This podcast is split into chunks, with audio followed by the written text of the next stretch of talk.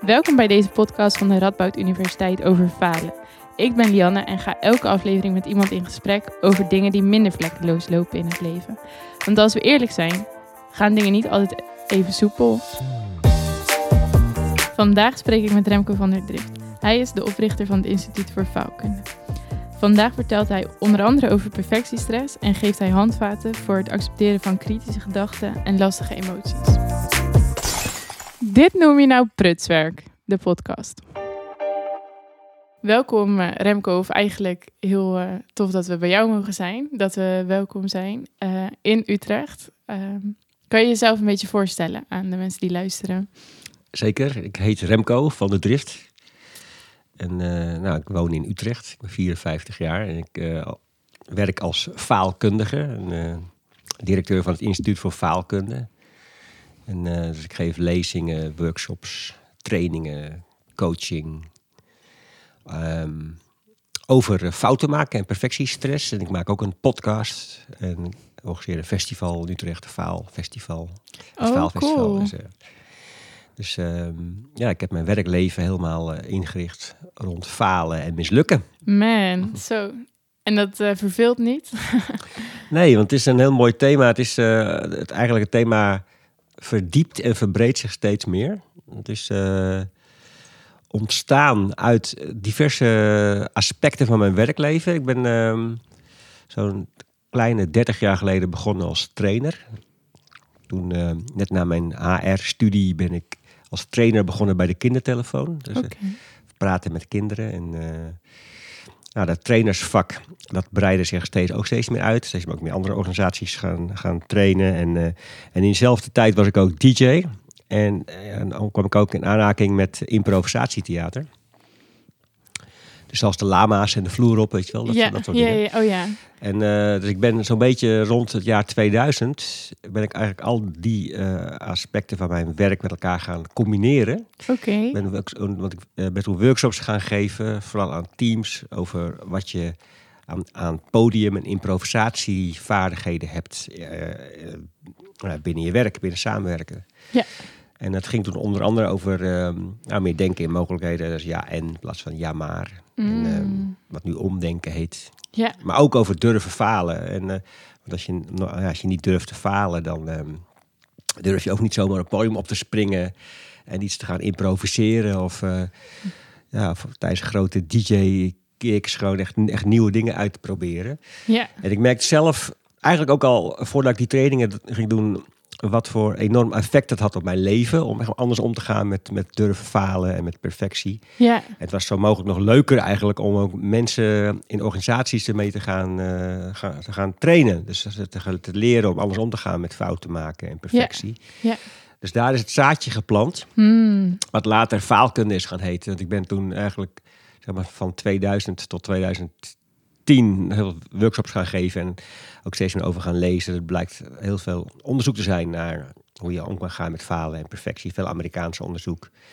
Dus ik heb uh, in 2012 het eerste boek erover geschreven.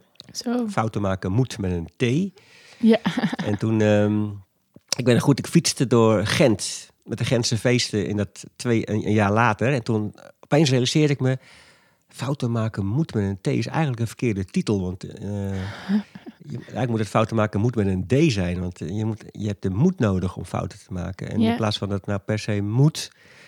Dus toen heb ik, uh, nou, na die zomer, uh, zei de uitgever van, nou, er komt een nieuwe druk aan. Zeg, nou, stop eventjes, ik ga een nieuwe versie maken. Fouten maken moet met een D. Ja, ja, ja. En dat, toen dat boek uitkwam, toen heb ik eigenlijk al het andere werk aan de kant geschoven en ook het Instituut voor Faalkunde opgericht. En toen aan. ik had de term faalkunde ook al een paar, een paar jaar daarvoor bedacht. Dus dat is nu zo acht jaar geleden ongeveer, denk ik.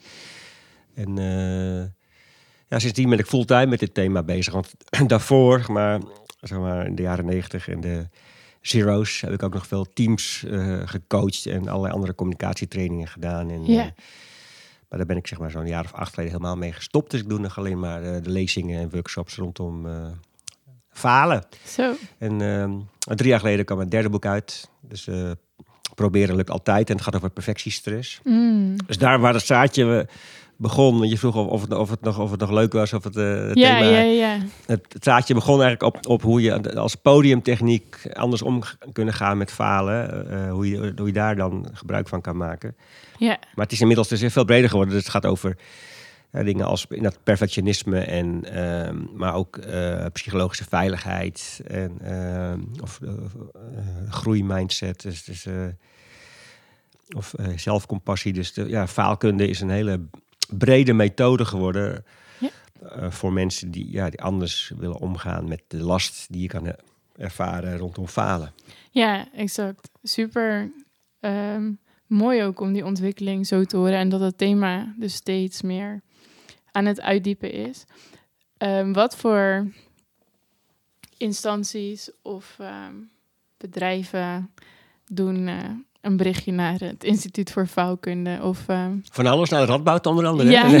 ja, ook Ik heb exact. nou Ja. voor mij twee keer iets gedaan, geloof ik. En, Ja. eh, heel breed. Nou, de laatste, de laatste paar jaren best veel, op, eh, veel in de wetenschap, Ja. toevallig. Maar, maar eigenlijk, en ook aan, aan al die 30 jaar dat ik trainingen geef en zo. En de, eh, ik denk, je kan het niet zo gek bedenken of ik heb er wel een keertje een training aan gegeven. Oké, ja. En wat voor soorten bedrijven en eh, instanties. Ik denk, over het algemeen denk ik als ik heel, heel, heel globaal denk twee derde van mijn werk is wel meer in eh, onderwijs, eh, overheid, eh, meer die, die, die, zorg en, en een derde wat meer in wat commerciëler of Ja. ja, ook gewoon banken, accountancy, of eigenlijk alles. Oh, ja, dat, dat, dat, vind ik, dat, dat vind ik ook leuk, want het is ook heel gaaf om eh, op zoveel verschillende plekken te komen en overal. Ja, ik denk bij overal hebben mensen in min of meerdere mate last van eh, niet mogen falen van zichzelf of elkaar of, eh, of schaamte rondom het thema. Of, Ja. eh, dat, dat, is zo- dat, dat is zo leuk van mijn werk, dat ik zo ja, verschillende mensen tegenkom. Ja, dat is ook echt zo. Iedereen loopt er waarschijnlijk toch tegenaan. En dan misschien heeft iedereen ook weer net even een ander kantje ervan dat lastig is of zo, zeg maar. Want Ja, ehm, ik kan me voorstellen dat in verschillende bedrijfsculturen ook wel eh, misschien verschillende aspecten van je training meer aanslaan. Ja, zeker, ja. ja dat klopt. Want eh, als je bijvoorbeeld naar een eh, accountancy bedrijf gaat, wat, wat zijn dan de dingen die bijvoorbeeld daar ehm, impact maken, dat je merkt? Nou, ehm, ja, ik denk eh, dat bij. Wat je, denk ik, als je een parallel trekt bijvoorbeeld tussen de wetenschap en de accountancy, zijn, dus er werken veel hoger opgeleide mensen. Hm, En wat me dan wat me heel erg opvalt bij mensen die wat hoger opgeleid zijn, dat ze ja, wel vaak last hebben van iets als het imposter syndroom. hm, Van de, van, ja, weet je, wel, je, je, je gaat er eigenlijk gewoon als een soort speer door je middelbare school en door, door je studie. Denk, ah, ik, ik, en dan, op, en dan, eh, ja, dan kan je ook er- nog steeds wel ergens dan dat last krijgen van het gevoel. Ja, maar ergens, weet je wel, er komt een dag dat men ziet dat ik maar wat aanklooi, dat ik door de mand val als een eh, bedrieger. ja, En ehm, ja, volgens onderzoek daarnaar heeft 70% van de hoogopgeleide vrouwen en 50% van de hoogopgeleide mannen zo regelmatig last van het imposter syndroom. En, het, Mhm. en het idee van, nou, ik moet maar geen fouten maken, want dan, eh, ja, dan komt mijn grootste angst uit. Dan, dan eh, ben ik misschien toch die bedrieger of... eh, ja. ja, ja, exact. En hoe is dat dan anders op ehm, plekken waar mensen minder hoog opgeleid zijn, zeg maar? Nou, daar, daar hebben de mensen ook, ook dat herkennen mensen dit ook, maar, ehm, maar ja, met name bij de ho- hoger opgeleide mensen zie ik dit sterker of meer, maar meer Ja, ja, in aantal terugkomen. ja, precies. Ja, interessant inderdaad. Het is wel ehm, jij- herkenbaar. herken je het zelf ook? Nou, ehm, wel. Ik ben momenteel met een stage bezig en ehm, die duurt al een tijdje en ik ben er even tussenuit geweest. En nu ben ik bezig met het eindartikel schrijven en dan ben je met statistische analyse en dan denk je echt, ja, eh, ik heb dit ooit geleerd en ik heb me al die vakken best wel goed afgemaakt, zeg maar. Maar als je het nu in de praktijk moet toepassen, dan eh, ben je blij als je eindelijk een artikel hebt geschreven. Maar dan moet je nog maar hopen dat er niemand is die echt weet wat je doet of zo. Omdat je dat gevoel heb je heel erg. Dat je gewoon eigenlijk de plank helemaal aan het mislaan bent. Maar om, omdat er zoveel ehm, is bij statistiek in ieder geval waarvan ik denk het is niet echt te begrijpen of zo, zeg maar. En dan heb ik toch wel snel ook als ik een vraag moet gaan stellen van oh, mijn begeleider ziet dat ik dat eigenlijk niet kan. Wat voor invloed heeft dat dan weer op hoe die me gaat beoordelen of zo? Mhm. Terwijl ik wel weet van mijn begeleider dat hij helemaal niet zo kijkt, maar dat voelt dan zo. En het hele idee dat je nu, ik heb nu een tijd, bijna een jaar er dus uitgehaald, zeg maar. En dan voel je toch ook wel van, ja, eh, oké. Eh, ik loop niet meer nominaal met mijn medestudenten mee. Of eh, hoe gaat het dan later zijn als je een baan zoekt? Is dat dan eindelijk een, stukje duidelijk van, oh, misschien ben je er toch niet helemaal geschikt voor? Of, en dus je hebt wel een beetje ehm, die stress heel de tijd van wanneer weet je genoeg van een onderwerp om er iets over te zeggen, is bijvoorbeeld voor mij ook een vraag. Maar ik denk dat dat er op aanhaakt, omdat je dus heel erg twijfelt aan je eigen ehm, kunnen soort in je studie. En wanneer weet je dan genoeg om echt ehm, er iets mee te gaan doen, zodat de mensen om je heen je ook serieus gaan nemen of zo. Zeg maar, daar ben je in jezelf heel veel mee bezig, terwijl Ja, de mensen om je heen vaak zoiets hebben van... Als je enthousiast bent en je bent gewoon open om te leren... dan kan je overal terecht eigenlijk. Maar die, er, is- er zit een heel groot gat tussen. Ja, ja, ja. ja. Ja, ik moet, aan, ik, moet aan, ik moet aan twee dingen denken als ik jouw verhaal hoor. Eén is, eh, ik denk, wat ik me heel erg op, opvalt in de wetenschap, maar misschien ook op andere hoger opgeleide mensen, dat eh, mensen vaak ook verwarren datgene wat ze doen met wie ze zijn. Hmm. En dan, eh, ja, dan ligt perfectiestress meer op de loer. Als je dan een keer misschien ergens negatief feedback op krijgt of zo, dan denk je dat het over jou gaat. Ja. Over je werk. En eh, het tweede, daar heb ik ook in mijn laatste boek ook over geschreven. Het is een eh, metastudie geweest naar eh, perfectionisme onder jonge mensen. En er zijn 164 onderzoeken vergeleken met elkaar, die zeg maar met wat vergelijkbare meetinstrumenten. Begin twintigers vanaf eind jaren 80, toen ik nog begin twintig was. en, en, en nu, er zijn 164 studies. En toen, aan de afloop, toen zagen ze van ehm, zeg maar het idee, ik moet perfect zijn voor mezelf. Of, en ik heb het idee dat de maatschappij dat verlangt en ik verlang het van anderen, is dat dat is met een, met een derde gestegen. Ze leven ook in een hele eh, andere maatschappij dan toen ik begin twintig was. En Ja. dat is, eh, en onderzoekers die, die, die koppelen het ook aan ehm, een aantal dingen als dat we in een hele competitieve maatschappij zijn terechtgekomen, waarin je altijd de beste moet zijn, misschien als wetenschapper ook. Hè, dat je, je moet altijd eh, strijden voor, eh, voor, voor, voor geld en eh, Dat is zeker waar. Ja. aanzien. En, ehm,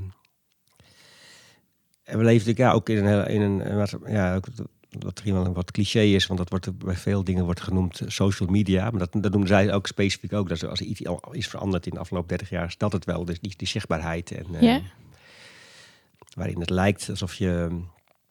Ja, of iedereen gewoon eh, perfect is. En, eh, weet je, dat, eh, en dat je op een onzekere dag vergelijk je zeg maar de onzekere binnenkant van jezelf met de, de zekere buitenkant van de hele wereld. Ja. En, eh, ja, Ja. dat- En geeft ook extra druk. En ja, plus dat we ook een, al jarenlang in een soort neoliberaal eh, ja, politiek systeem leven, waarin het ook gaat over je moet het maken en heel heel erg Ja, eh, individualistisch. En, eh, ja. Ja. Dat draagt allemaal bij aan dat dus dingen als, eh, als die perfectiestress en, en, en imposter syndroom. Ja, ja want ehm, als je perfectiestress zegt, wat is dan, hoe zou je dat omschrijven? Ja, perfectiestress is een term die heb ik bedacht toen ik mijn laatste boek schreef. Dat probeerde lukt altijd voor de donkere kant van perfectionisme. Ja, Want ik heb altijd best wel een beetje de moeite gehad met het begrip perfectionisme. Of mensen zeggen, ik ben perfectionist. Dus Veel jonge mensen herkennen zich daar trouwens niet in. En dat komt volgens mij ook. En dat was toen ik voor het boek heel veel andere boeken over ging lezen en, onderzoek. Dat er eigenlijk, ja, dat is een heel, dat is een heel ambigu begrip. Hè? Want je, perfectionisme, eh, als je perfectionistisch bent, dan kan je dat veel brengen. Maar het kan je ook heel erg tot last zijn. Dus Hmm. de-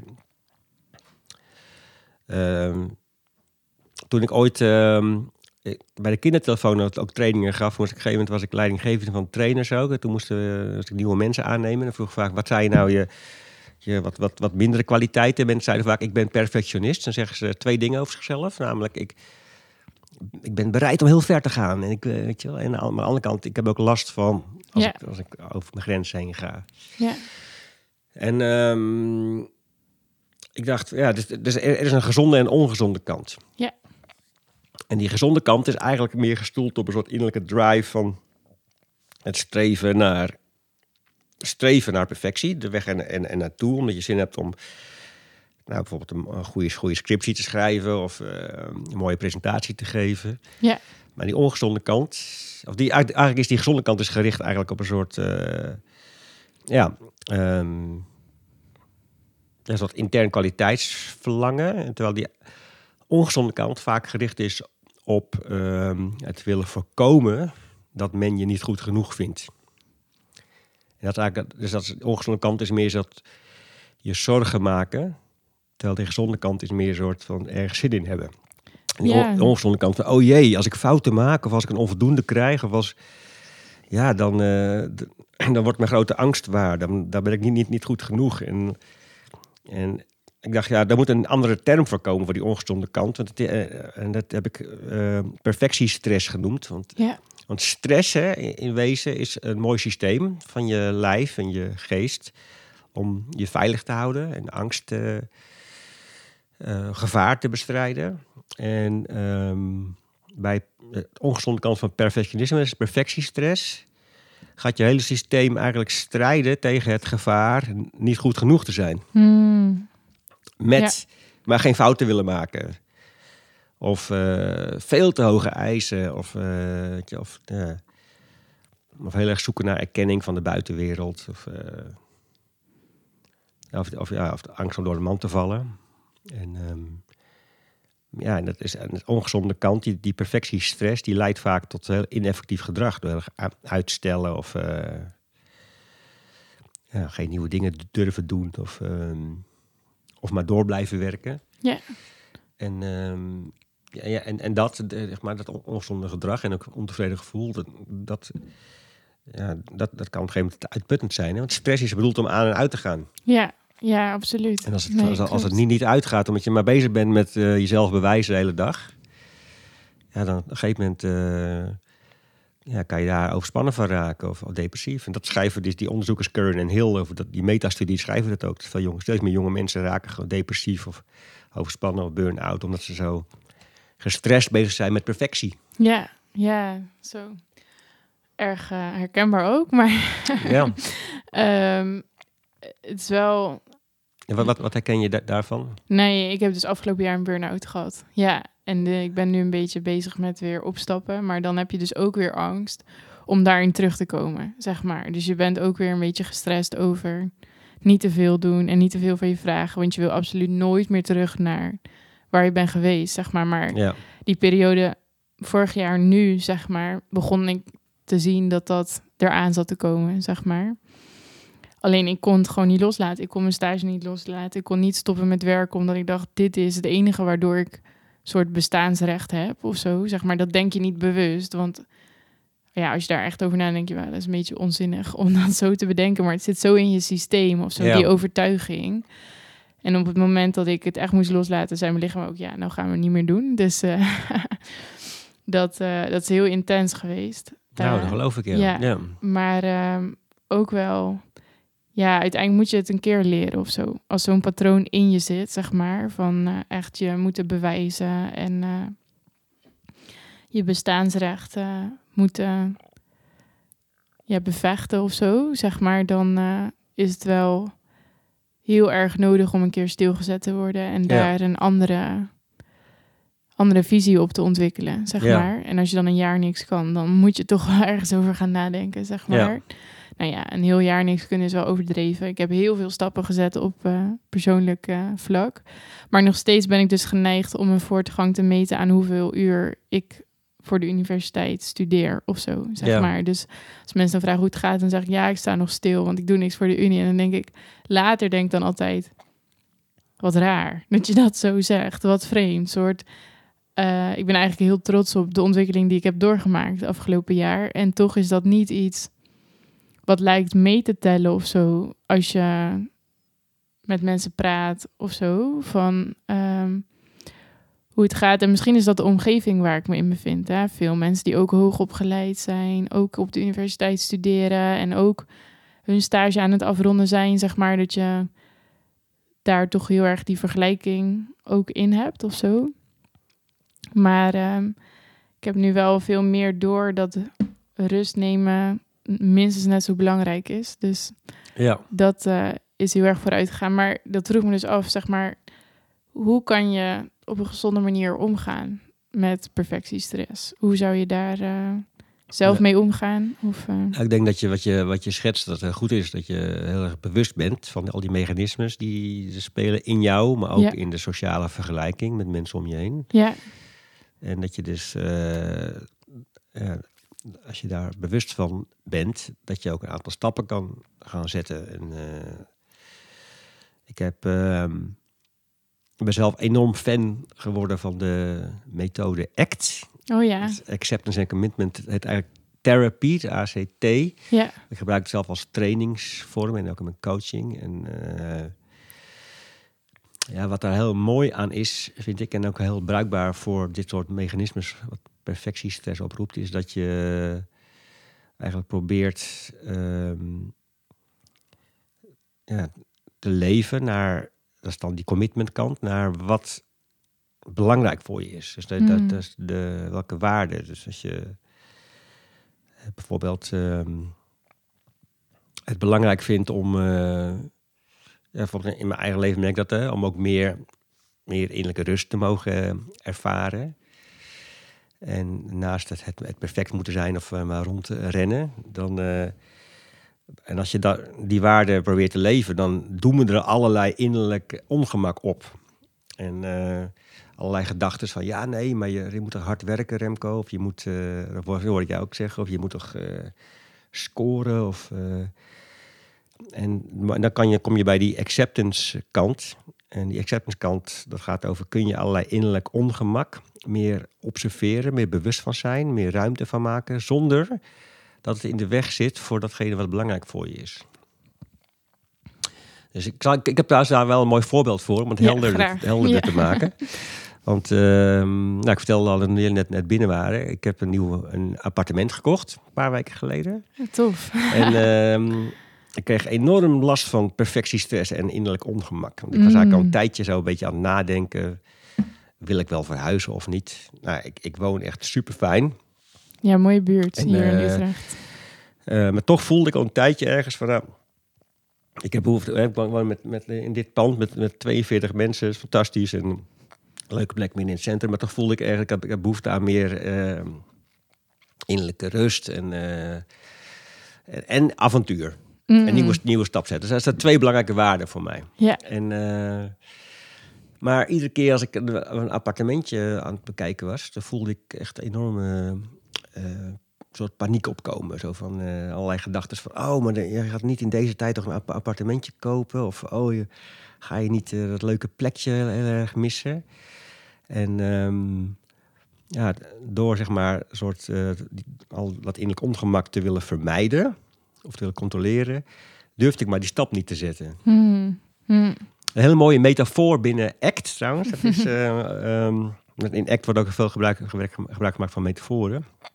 Is het, eh, het bootje op zee met monsters. Oh, dus eh, kijk. kijk, ik kan eigenlijk voorstellen, ik, ik zit in, in een boot midden op zee. En ehm, daar in de verte zie ik de kust. Met alle, en op de kust kan je zich vergelijken met allerlei... eh, de kust, in richting van de kust, dat, daar, zit, daar zit een belangrijke waarde voor mij. Mm. Dat is bijvoorbeeld, eh, nou, ik zei, innerlijke, innerlijke, on- innerlijke eh, rust of, eh, of avontuur. Maar onderin het ruim zitten allemaal monsters. Mm. En eh, dat, zijn, dat zijn vaak eh, negatieve gedachten of, of lastige emoties. Op het moment dat ik koers naar iets eh, wat ik belangrijk vind, bijvoorbeeld af, meer avontuur of meer innerlijke rust, dan komen die monsters uit het ruim op het dek. En die gaan dan tegen mij staan schreeuwen. Hmm. Dus is eerlijke kritiek van niet doen Remco, bla bla bla. Of ik ga me eh, allerlei angsten voelen. En ik heb een afspraak gemaakt met die monsters. Als ik dan gewoon niet koers op datgene wat ik eigenlijk wil. En ik blijf dan, eh, ik- dus ik, dus ik, ik, ga, ik ga niet richting de kust, maar ik gooi het roer om en ik blijf maar een beetje ronddobberen. Dan eh, gaan die monsters weer terug Hm. het ruim in. Hm. Kijk, zo denk ik zo, pff, nou, mooi, weet je wel. Maar het nadeel is wel dat je daardoor eigenlijk iets heel belangrijks mist. Namelijk eh, durven kiezen voor hoe je wilt leven. Ja.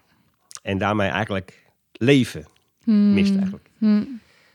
Dus wat dan, wat, wat, dan, eh, wat dan goed is om te doen, is proberen wel te, te koersen in de, in de richting van wat je belangrijk vindt. Dus in mijn geval die innerlijke rust en het avontuur. Dan komen al die monsters komen op en ze laten schreeuwen. Hm. Terwijl je gewoon vaart naar, wat, naar, naar, naar de kust. Zo. En dat heb ik ook de laatste tijd ook gedaan. Ja. Dus ehm, ik heb dat, ik weet nog, ja, zeker die dagen dat ik getekend had voor het appartementje. En dan heb je nog drie dagen bedenktijd, hè? Nou, toen had ik echt de hele dag superveel stress. En gedachten van, nou, dit is een slechte tijd om een appartement te kopen. En je, ja, je gaat je daar eenzaam voelen. En ehm, ook ik voelde me verdrietig om die plek waar ik nu woon. Dus ook is heel, heel erg mooi. En ik merkte heel sterk van dat ik de neiging had, is om eigenlijk dat koopcontract te scheuren. Want dan hoef ik al die, dat innerlijk ongemak niet meer te voelen. Ja. Maar als ik, als ik dat doe, ja, dan, dan zal ik nooit die, die spannende stap zetten. Dus wat ik gedaan heb, en dat is die acceptance kant van ACT, eh, hebben we daar heel veel mooie oefeningen voor, is eh, die innerlijke kritiek. ehm, in plaats van die innerlijke kritiek heel serieus nemen en ontzettend eh, me laten beïnvloeden, het meer op een afstand zetten en er naar kijken. Dus Mhm. bijvoorbeeld, oh, daar heb je het verhaal van je gaat je eenzaam voelen in een appartementje in je eentje. Of ehm, daar, heb je, daar, daar heb je die kritische gedachte die roept dat het een slecht, eh, dat het een foute, foute keuze is om in een crisistijd een huis te kopen. Ja. En tegelijkertijd ook allerlei innerlijke ehm, lastige emoties. eh, niet tegen strijden, maar ook letterlijk ruimte geven. Dus als ik allerlei paniek voel of eh, om dan daar even bij te blijven. Hm. Weet je wel? Of het verdriet van een leuke plek verlaten. hè. Gewoon eventjes. eh. Ja. En dat op die manier omgaan met innerlijk ongemak, ehm, dat geeft enorm veel ruimte. Is thuis, het is niet gemakkelijk trouwens, maar het geeft wel ruimte om te doen wat belangrijk voor je is. Ja.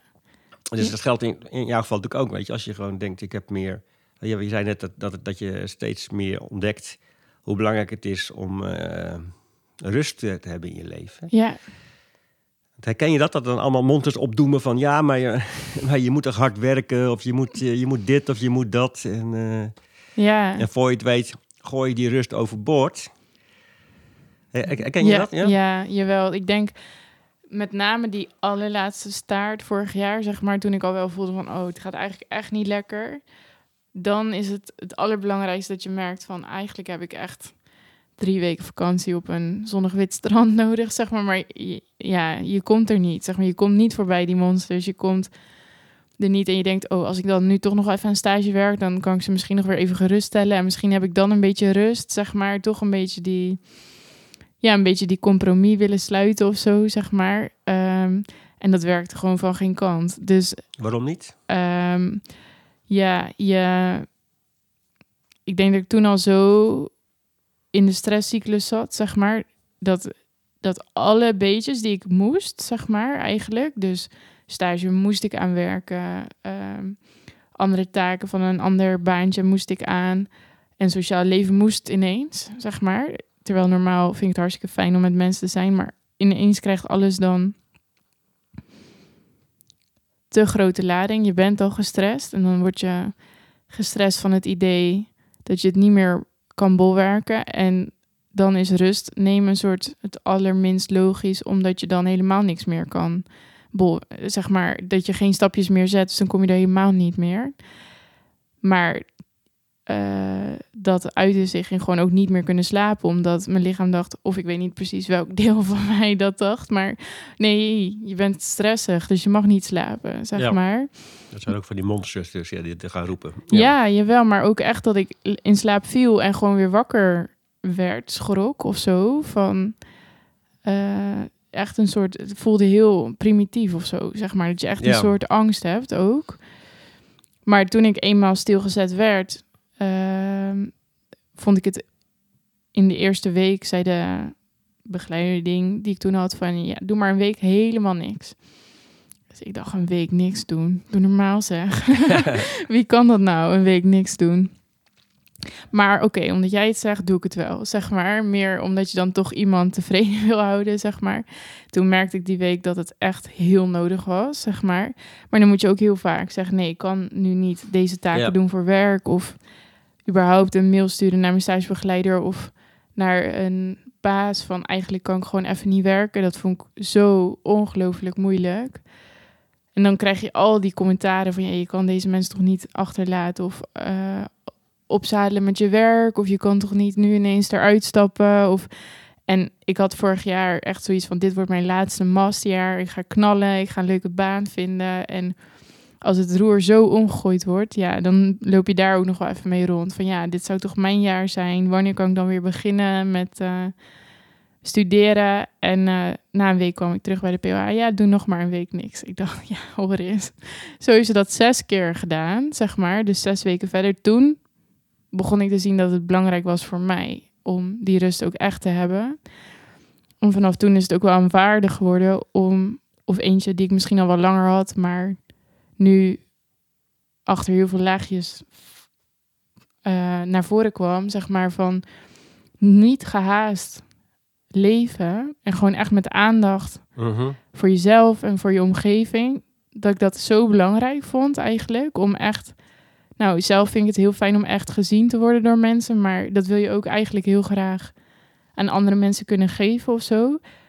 Dat en haast, dat gaat gewoon niet hand in hand, Nee. zeg maar. Dus toen begon ik te ontdekken van, ik heb nu heel erg veel rust, omdat ik gewoon echt nog niet in staat ben om weer taken op me te nemen die wat zwaarder wegen. Maar die aandacht die je dan kan hebben voor alles om je heen werd ineens zo fijn dat ik daar echt wel heel erg, dat ben ik gewoon heel erg gaan koesteren of zo, zeg maar. Dus Mooi. Ja. dat, eh, dat is op die manier wel echt eh, gaan lukken. En nu weer, dan kom je toch weer in een tijd waarin je weer meer kan. Dus er komen weer meer vragen op je pad van mensen, van kan je dit en dit doen? En dan voel ik nog wel steeds van, oh ja, ik wil voldoende rust inbouwen. Ehm, en toch is er ergens nog wel zo'n monstertje dat zegt van... eh, maar moet je je niet, niet ondertussen even af hebben? Hè? Moet je niet... eh, Ja. om, dus dat is er toch wel sterk. En ik vraag me eigenlijk af of dat ooit weggaat, zeg maar. Dat is het mooie, daarom heet het acceptance. Ja, Want wat we als mens vaak geneigd zijn, dat we kunnen pas echt doen wat belangrijk is, als die monsters weg zijn. En dan, maar dan gaan we Ja, eigenlijk tegen vechten. ja, En vechten tegen al dit soort stemmen, in- innerlijke stemmen, of vechten tegen allerlei lastige emoties, heeft geen zin. Hmm. Want het wordt alleen maar groter en sterker. Dus wat je eigenlijk beter kan doen, is ze er laten zijn. Zonder dat ze je weerhouden van hetgene wat belangrijk voor je is. Dus eh, heb je dat ook gedaan in die, in die zes weken? Heb je geprobeerd die kritische gedachten of die dwingende gedachten, om die, heb, je dan, heb je die ook proberen om ze wat meer vanaf een afstandje te observeren en te kijken van of je er naar wilde luisteren of niet? Of, eh, ja nou, ik deed met de begeleiding toen wel ook af en toe mindfulness, zeg maar. Ja. En dat was de eerste keer dat ik dat echt ging doen. En toen merkte ik al wel dat dat ehm, een soort rust gaf. Maar mijn hoofd was, zeg maar, ik ben echt wel een enorme denker. Dus ik zocht altijd naar uitwegen om toch met ze in onderhandeling te gaan of zo met die monstertjes. Om toch te laten zien van dit is nu goed voor me of zo. Dus fijn kritische truus, zo heette die bij mij, zeg maar. Ja. Van, eh, dat, je, dat je me hier iets wil zeggen, maar ik ga toch dit doen of zo. Dus ergens denk ik dat ik er nog niet heel erg van een afstandje naar keek, maar al wel meer dacht van ik laat je gewoon wel even kletsen of zo, Ja. zeg maar. Ehm, Ehm, en een stukje accepteren dat je gewoon echt even niks kon.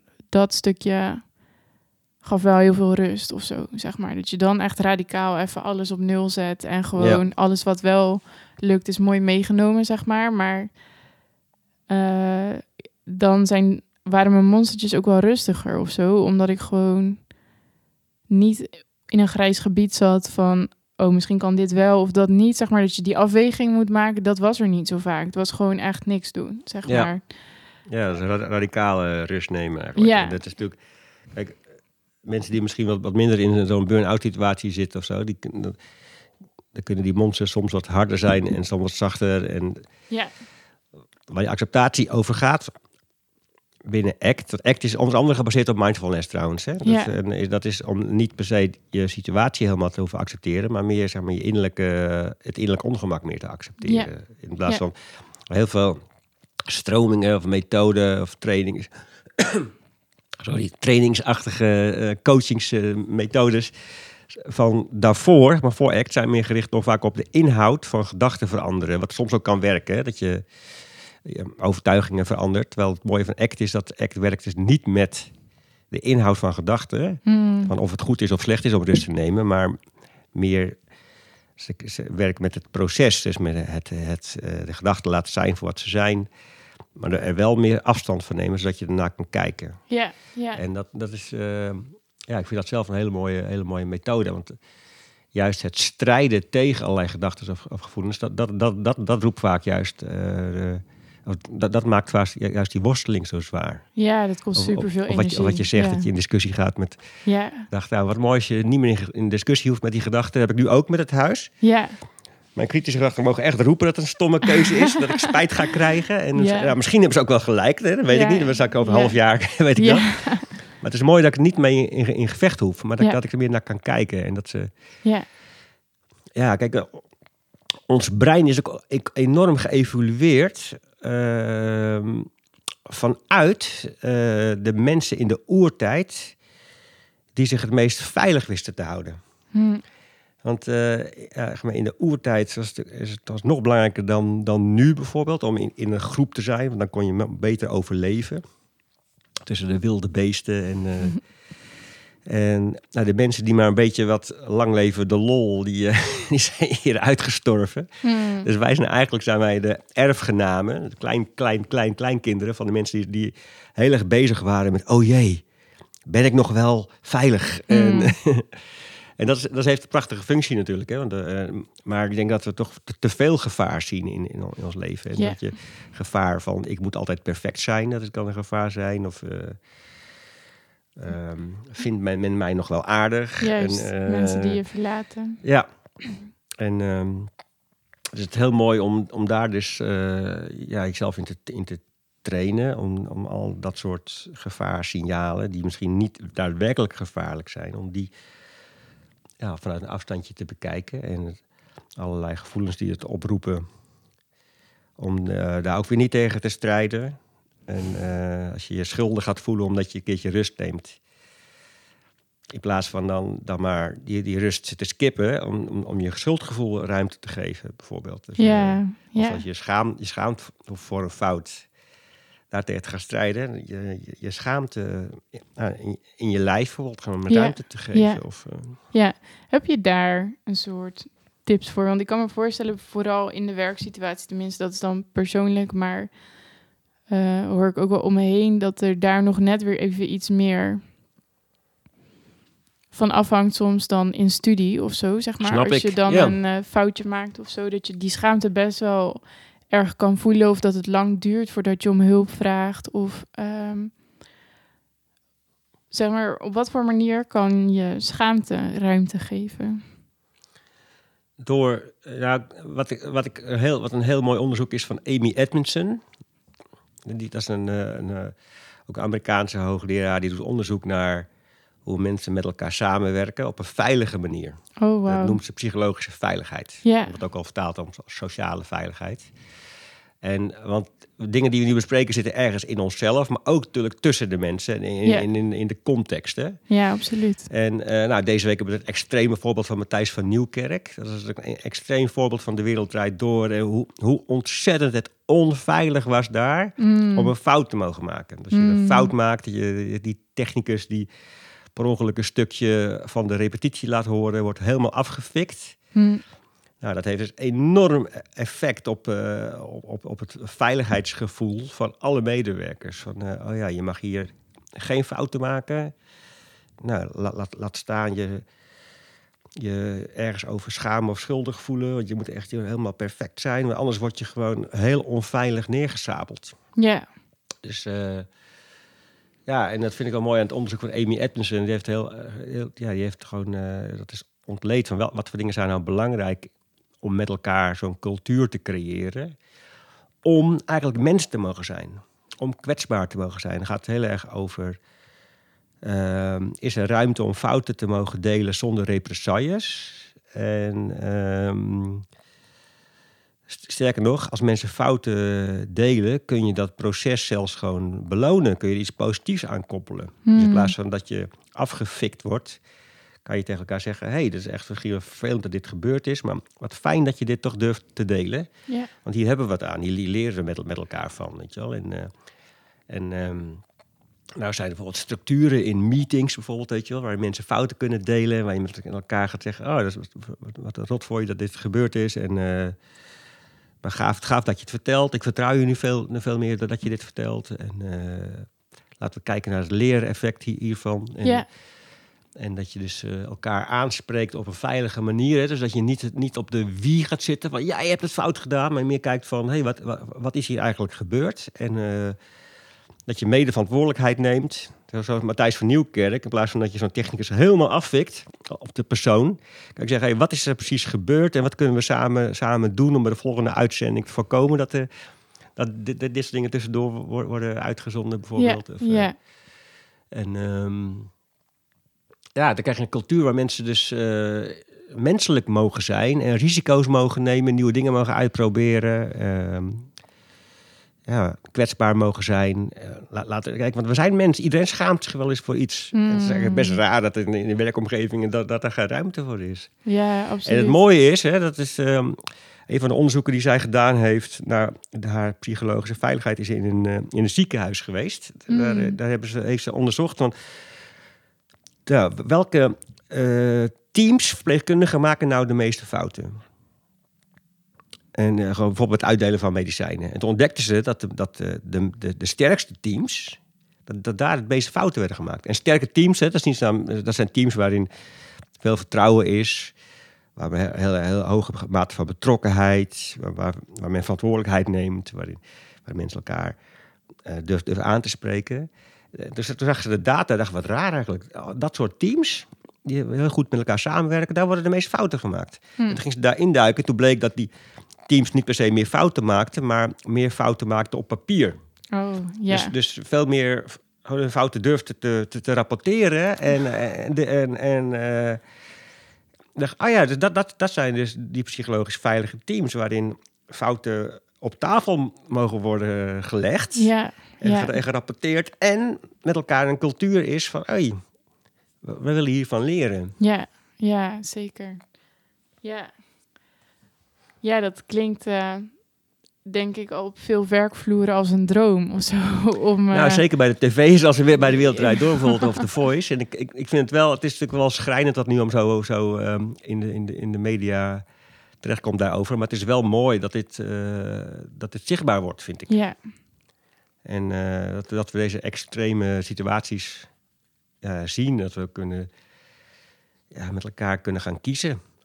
Weet je wel, willen we zo met elkaar omgaan of, of niet? ja, ja. En ik denk eh, dat het voor de perfectiestress van velen goed is om eh, ja, in een cultuur te werken. Om het voor het verlagen van de perfectiestress, waarin een psychologische veiligheid heerst. Ja, ja, En het is ook goed voor de output dus ook. Hè. En, eh, dus dat is interessant nu in een hele discussie. Hè, dat je in de krant ook leest van... ehm, ja, maar dit is gewoon topsport. En eh, Hmm. ja, nou, de vraag is...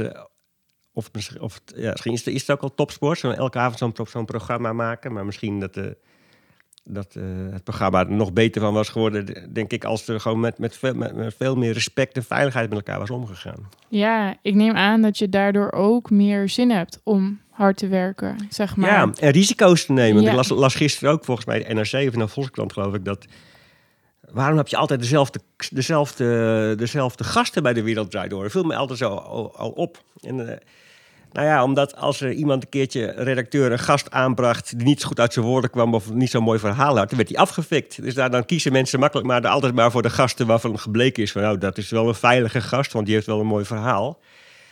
Dus eh, in die zin denk ik, met, ja, zou het programma nog interessanter van zijn geweest als ze gewoon meer lef hadden gehad. Om ook gewoon meer onbekende gasten uit te nodigen. Of mensen die eventjes niet uit hun woorden kwamen, maar misschien wel ja, wat in- interessant was om, om het verhaal van te horen. Dus, eh, Ja, dus meer risico's durven nemen. Dat is ook een, ja, ja, mooi effect van meer psychologische veiligheid. ja, absoluut. Maar Nou, anders hou je ja. ook de boel zo in stand of zo. Zeg maar, als je naar een tv-programma kijkt waar altijd iedereen uit zijn woorden komt, wanneer ga je dan zelf, als je daar het lastiger vindt, een keer proberen die wereld binnen te treden, terwijl je het Ja. wel heel graag zou willen, Precies. bijvoorbeeld of zo. Dat is op andere plekken natuurlijk net zo goed zo.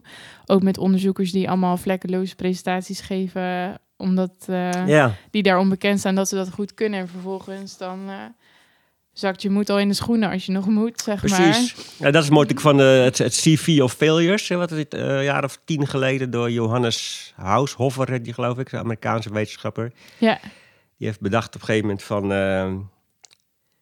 wat is toch raar in de wetenschap? Overal zie je maar succesverhalen de hele tijd. Terwijl elke wetenschapper heeft te maken met afwijzing... of een keer geld dat hij niet krijgt of, of eh, negatieve feedback. Dus die heeft toen eh, een cv van, eh, van failures heeft hij toen gepubliceerd. ja, Om te laten zien van jongens, dit is de werkelijkheid. De- weet je en, het grappige is dat hij, dat hij daarmee heel succesvol is geworden. Dus, ja. maar dat is wel, ja, en dat, dat zie je. Ik gebruik het ook af en toe wel in mijn eh, workshops en lezingen. Eh, ook op de Radboud heb ik dat ge- bij een, een team een keer gedaan ook. Om eh, met elkaar gewoon een, een CV of failures te, te mogen maken. Zo, En, eh, ja. Want ja, weet je wel, perfectie. We leven gewoon in zo'n, in zo'n ijsberg-illusie. Hè? Perfectie is, een, is het topje van de ijsberg, maar onder het waterlijn hebben we allemaal te maken met mislukkingen en met tegenslag en eh, fouten en kwetsbaarheden, onzekerheden. Ja, En ja, we wor- we worden veel mooiere maatschappij als we gewoon als we dat met, met elkaar wat meer blootleggen. ja, absoluut. Zeker. Ja, een soort harnas uitdoen of zo. Ja. Ja, helemaal mee eens. Ehm, is er een soort eerste stap om los te laten dat wat je doet ook bepaalt wie je bent? Ehm, ja, ik denk dus door, ieder- door jezelf de, door, eh, door jezelf de ruimte te geven om, om dat wat je ook doet altijd te mogen leren.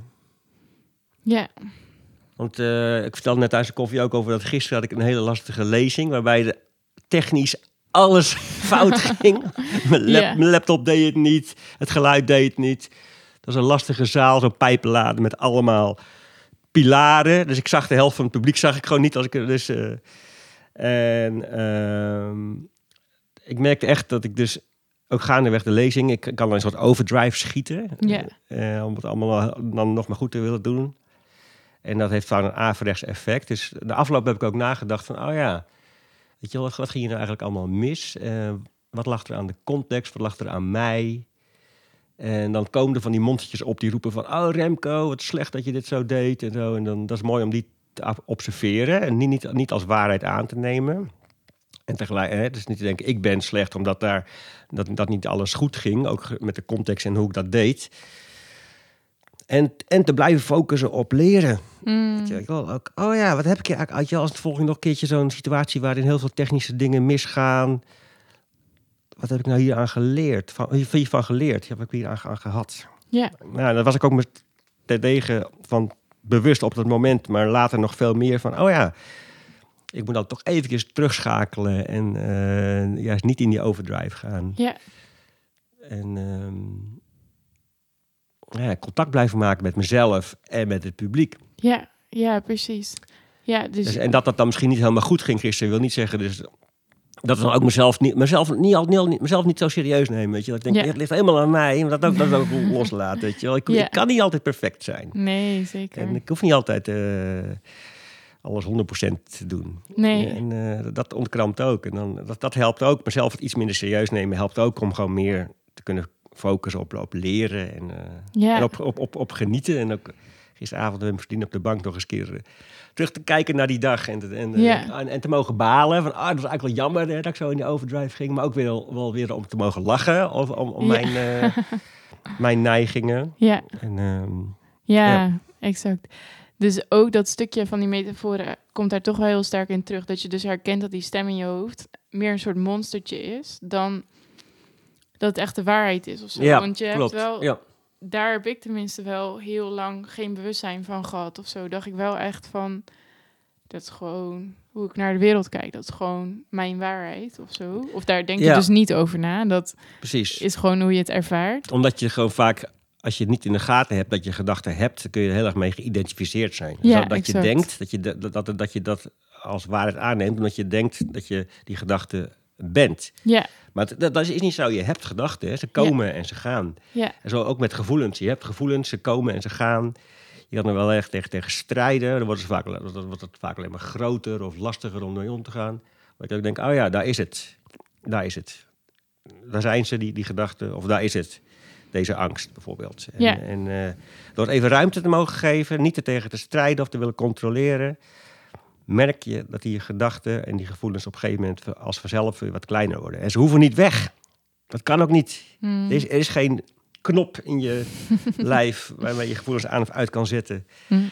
En uh, maar, maar even gisteren, dus na die lezing, in eerste instantie baalde ik enorm en voelde ik me even, even heel erg uh, onzeker en, en, en, een beetje uh, ten neergeslagen. Nou, daar heb ik eerst even ruimte voor, ruimte voor gegeven, door daar eventjes dat mogen laten zijn. Ja, ja. En dat is niet, niet gemakkelijk nee. en wel heel bevrijdend. Ja, ja dat is niet uh, weg van de minste weerstand. Maar, uh, of tenminste, je geeft wel, je geeft geen weerstand meer, maar het is wel een heel moeilijke ja, weg, zeg maar. Zeker, ja. Ja, dat is wel heel inspirerend om te horen dat je dat dan ook gewoon meemaakt, zeg maar. En er laat zijn. Ik ben benieuwd als je uh, voor je ziet dat de studenten allemaal luisteren en die zijn op zoek misschien wel naar een hele toffe baan of ze zijn net begonnen bij een nieuwe baan. Toch wel een beetje een omgeving van ook hoogopgeleide mensen um, die hier tegenaan lopen. Wat is dan perfectiestress, zeg maar, dat stukje, dat ze daar tegenaan lopen. Wat is dan het eerste advies dat in je oppopt? Nou, hoe, hoe bedoel je dat? Uh, zeg maar, als je, stel ik ga nu solliciteren en ik uh, denk, oh, ik wil echt een toffe nieuwe baan vinden, maar uh, vind ik spannend, zeg maar. Ja. Um, wat zou je me dan voor advies willen geven? Nou, om, om het spannend te vinden. Oh ja. ja, dat is, uh, dat is ja. ja. Dat het heel normaal is dat je op zoek gaat naar een nieuwe baan, dat het ja. spannend is. En dat die spanning dus niet weg hoeft of kan. Ja. Dus ga solliciteren met de spanning. Ja. En laat het ook, uh, geef de ruimte voor in jezelf, maar misschien ook wel in het gesprek. Ja. Als je een sollicitatiegesprek hebt, sorry dat je zegt, ik ben ontzettend, ontzettend uh, nerveus bijvoorbeeld. bijvoorbeeld. En, uh, ja, ja. Dus ga er naartoe. Wees niet, ja, eigenlijk... Ik kreeg laatst van een vriendin een poster, die hangt hier uh, buiten op de gang. Uh, die poster misschien staat op, niet, niet, uh, wees niet bang, staat erop. En toen heb mm. ik eronder geschreven om bang te zijn. Oh. Ik tegen haar de poster ja. nog, nog, nog niet af. Ja, ja, ja, ja. Oh, heel goeie. Ja. Nou ja, en dat geldt natuurlijk ook als je net nieuw op je baan bent. Dan is het ook allemaal spannend. Tuurlijk, dan, ja. Dus, dus, ja. Wer gewoon werk met spanning en al of zo. Ja. Ik had het laatst ook, ik, ik, was een, ik had een beetje zo'n... Um, overkill aan improvisatietheater gehad, merkte ik een paar jaar geleden. En ik ging ook heel erg nadenken over uh, improvisatietheater en faalkunde. Dus toen uh, dacht ik, oh, dacht ik, ik stop er gewoon even mee. En toen ben ik een paar jaar later ben ik weer met, bij dezelfde groep aangesloten. En toen merkte ik ook dat ik weer, ook in eerste instantie dacht... oh, nou moet ik gelijk helemaal op het niveau zijn waar zij allemaal zijn. En uh, weet je wel, al die gedachten, die ging ik, dan ging ik serieus nemen. En mocht niet, niet, mocht niet onzeker zijn. Hmm. Dat was de, de, eerste avond dat ik weer meedeed. En gelukkig realiseer ik me heel snel... oh ja, Remco, daar zijn ze. Nou, eigenlijk is het heel logisch dat als je je weer aansluit na een paar jaar... bijvoorbeeld bij zo'n groep... dat het onzekerheid met zich meebrengt. Dat Ja. eh, en dat is, eh, nou, oké, weet je wel. Dus, eh, niet, je hoeft er niet in te zwelgen trouwens. Dat is, dat is acceptance van act is niet zwelgen in emoties, maar meer een soort bereidheid om dat te mogen ervaren. Ja. Dus mag ik weer aansluiten bij die groep en ben ik bereid om me daarbij onzeker te voelen. Ja. Ja. Ja, en, eh, en, en al die gedachten daar over hoe ik ben niet al te serieus te nemen. Hmm. En dat helpt, want nu ben ik weer heerlijk aan het spelen met die groep. Oh, fantastisch. Wat goed. Ja, Met, nou, met nog steeds onzekerheden af en toe. En Ja. Dat, is, dat is heel normaal. dat blijft. Ook bij eh, de oprichter van het eh, Zeker. Instituut voor Vouwkunde. Ja. Nou, dat is een heel, eh, heel realistisch beeld, denk ik. Ik eh, zou het gesprek hier willen afronden. Ik weet niet of jij nog iets hebt eh, toe te voegen. Nee, dankjewel voor dit gesprek. En eh, voor alle luisteraars, dankjewel voor het luisteren. Ik hoop dat iedereen er wat aan heeft. Heel goed. Ja, mooi. Dankjewel. Jij ook. Tof dat je hebt geluisterd naar deze aflevering van Prutswerk. Ik daag je uit om je te laten inspireren en ook jouw faalverhaal te delen met de mensen om je heen. De volgende keer ga ik in gesprek met iemand die lang last had van een nare ervaring in haar bijbaan. Tot dan!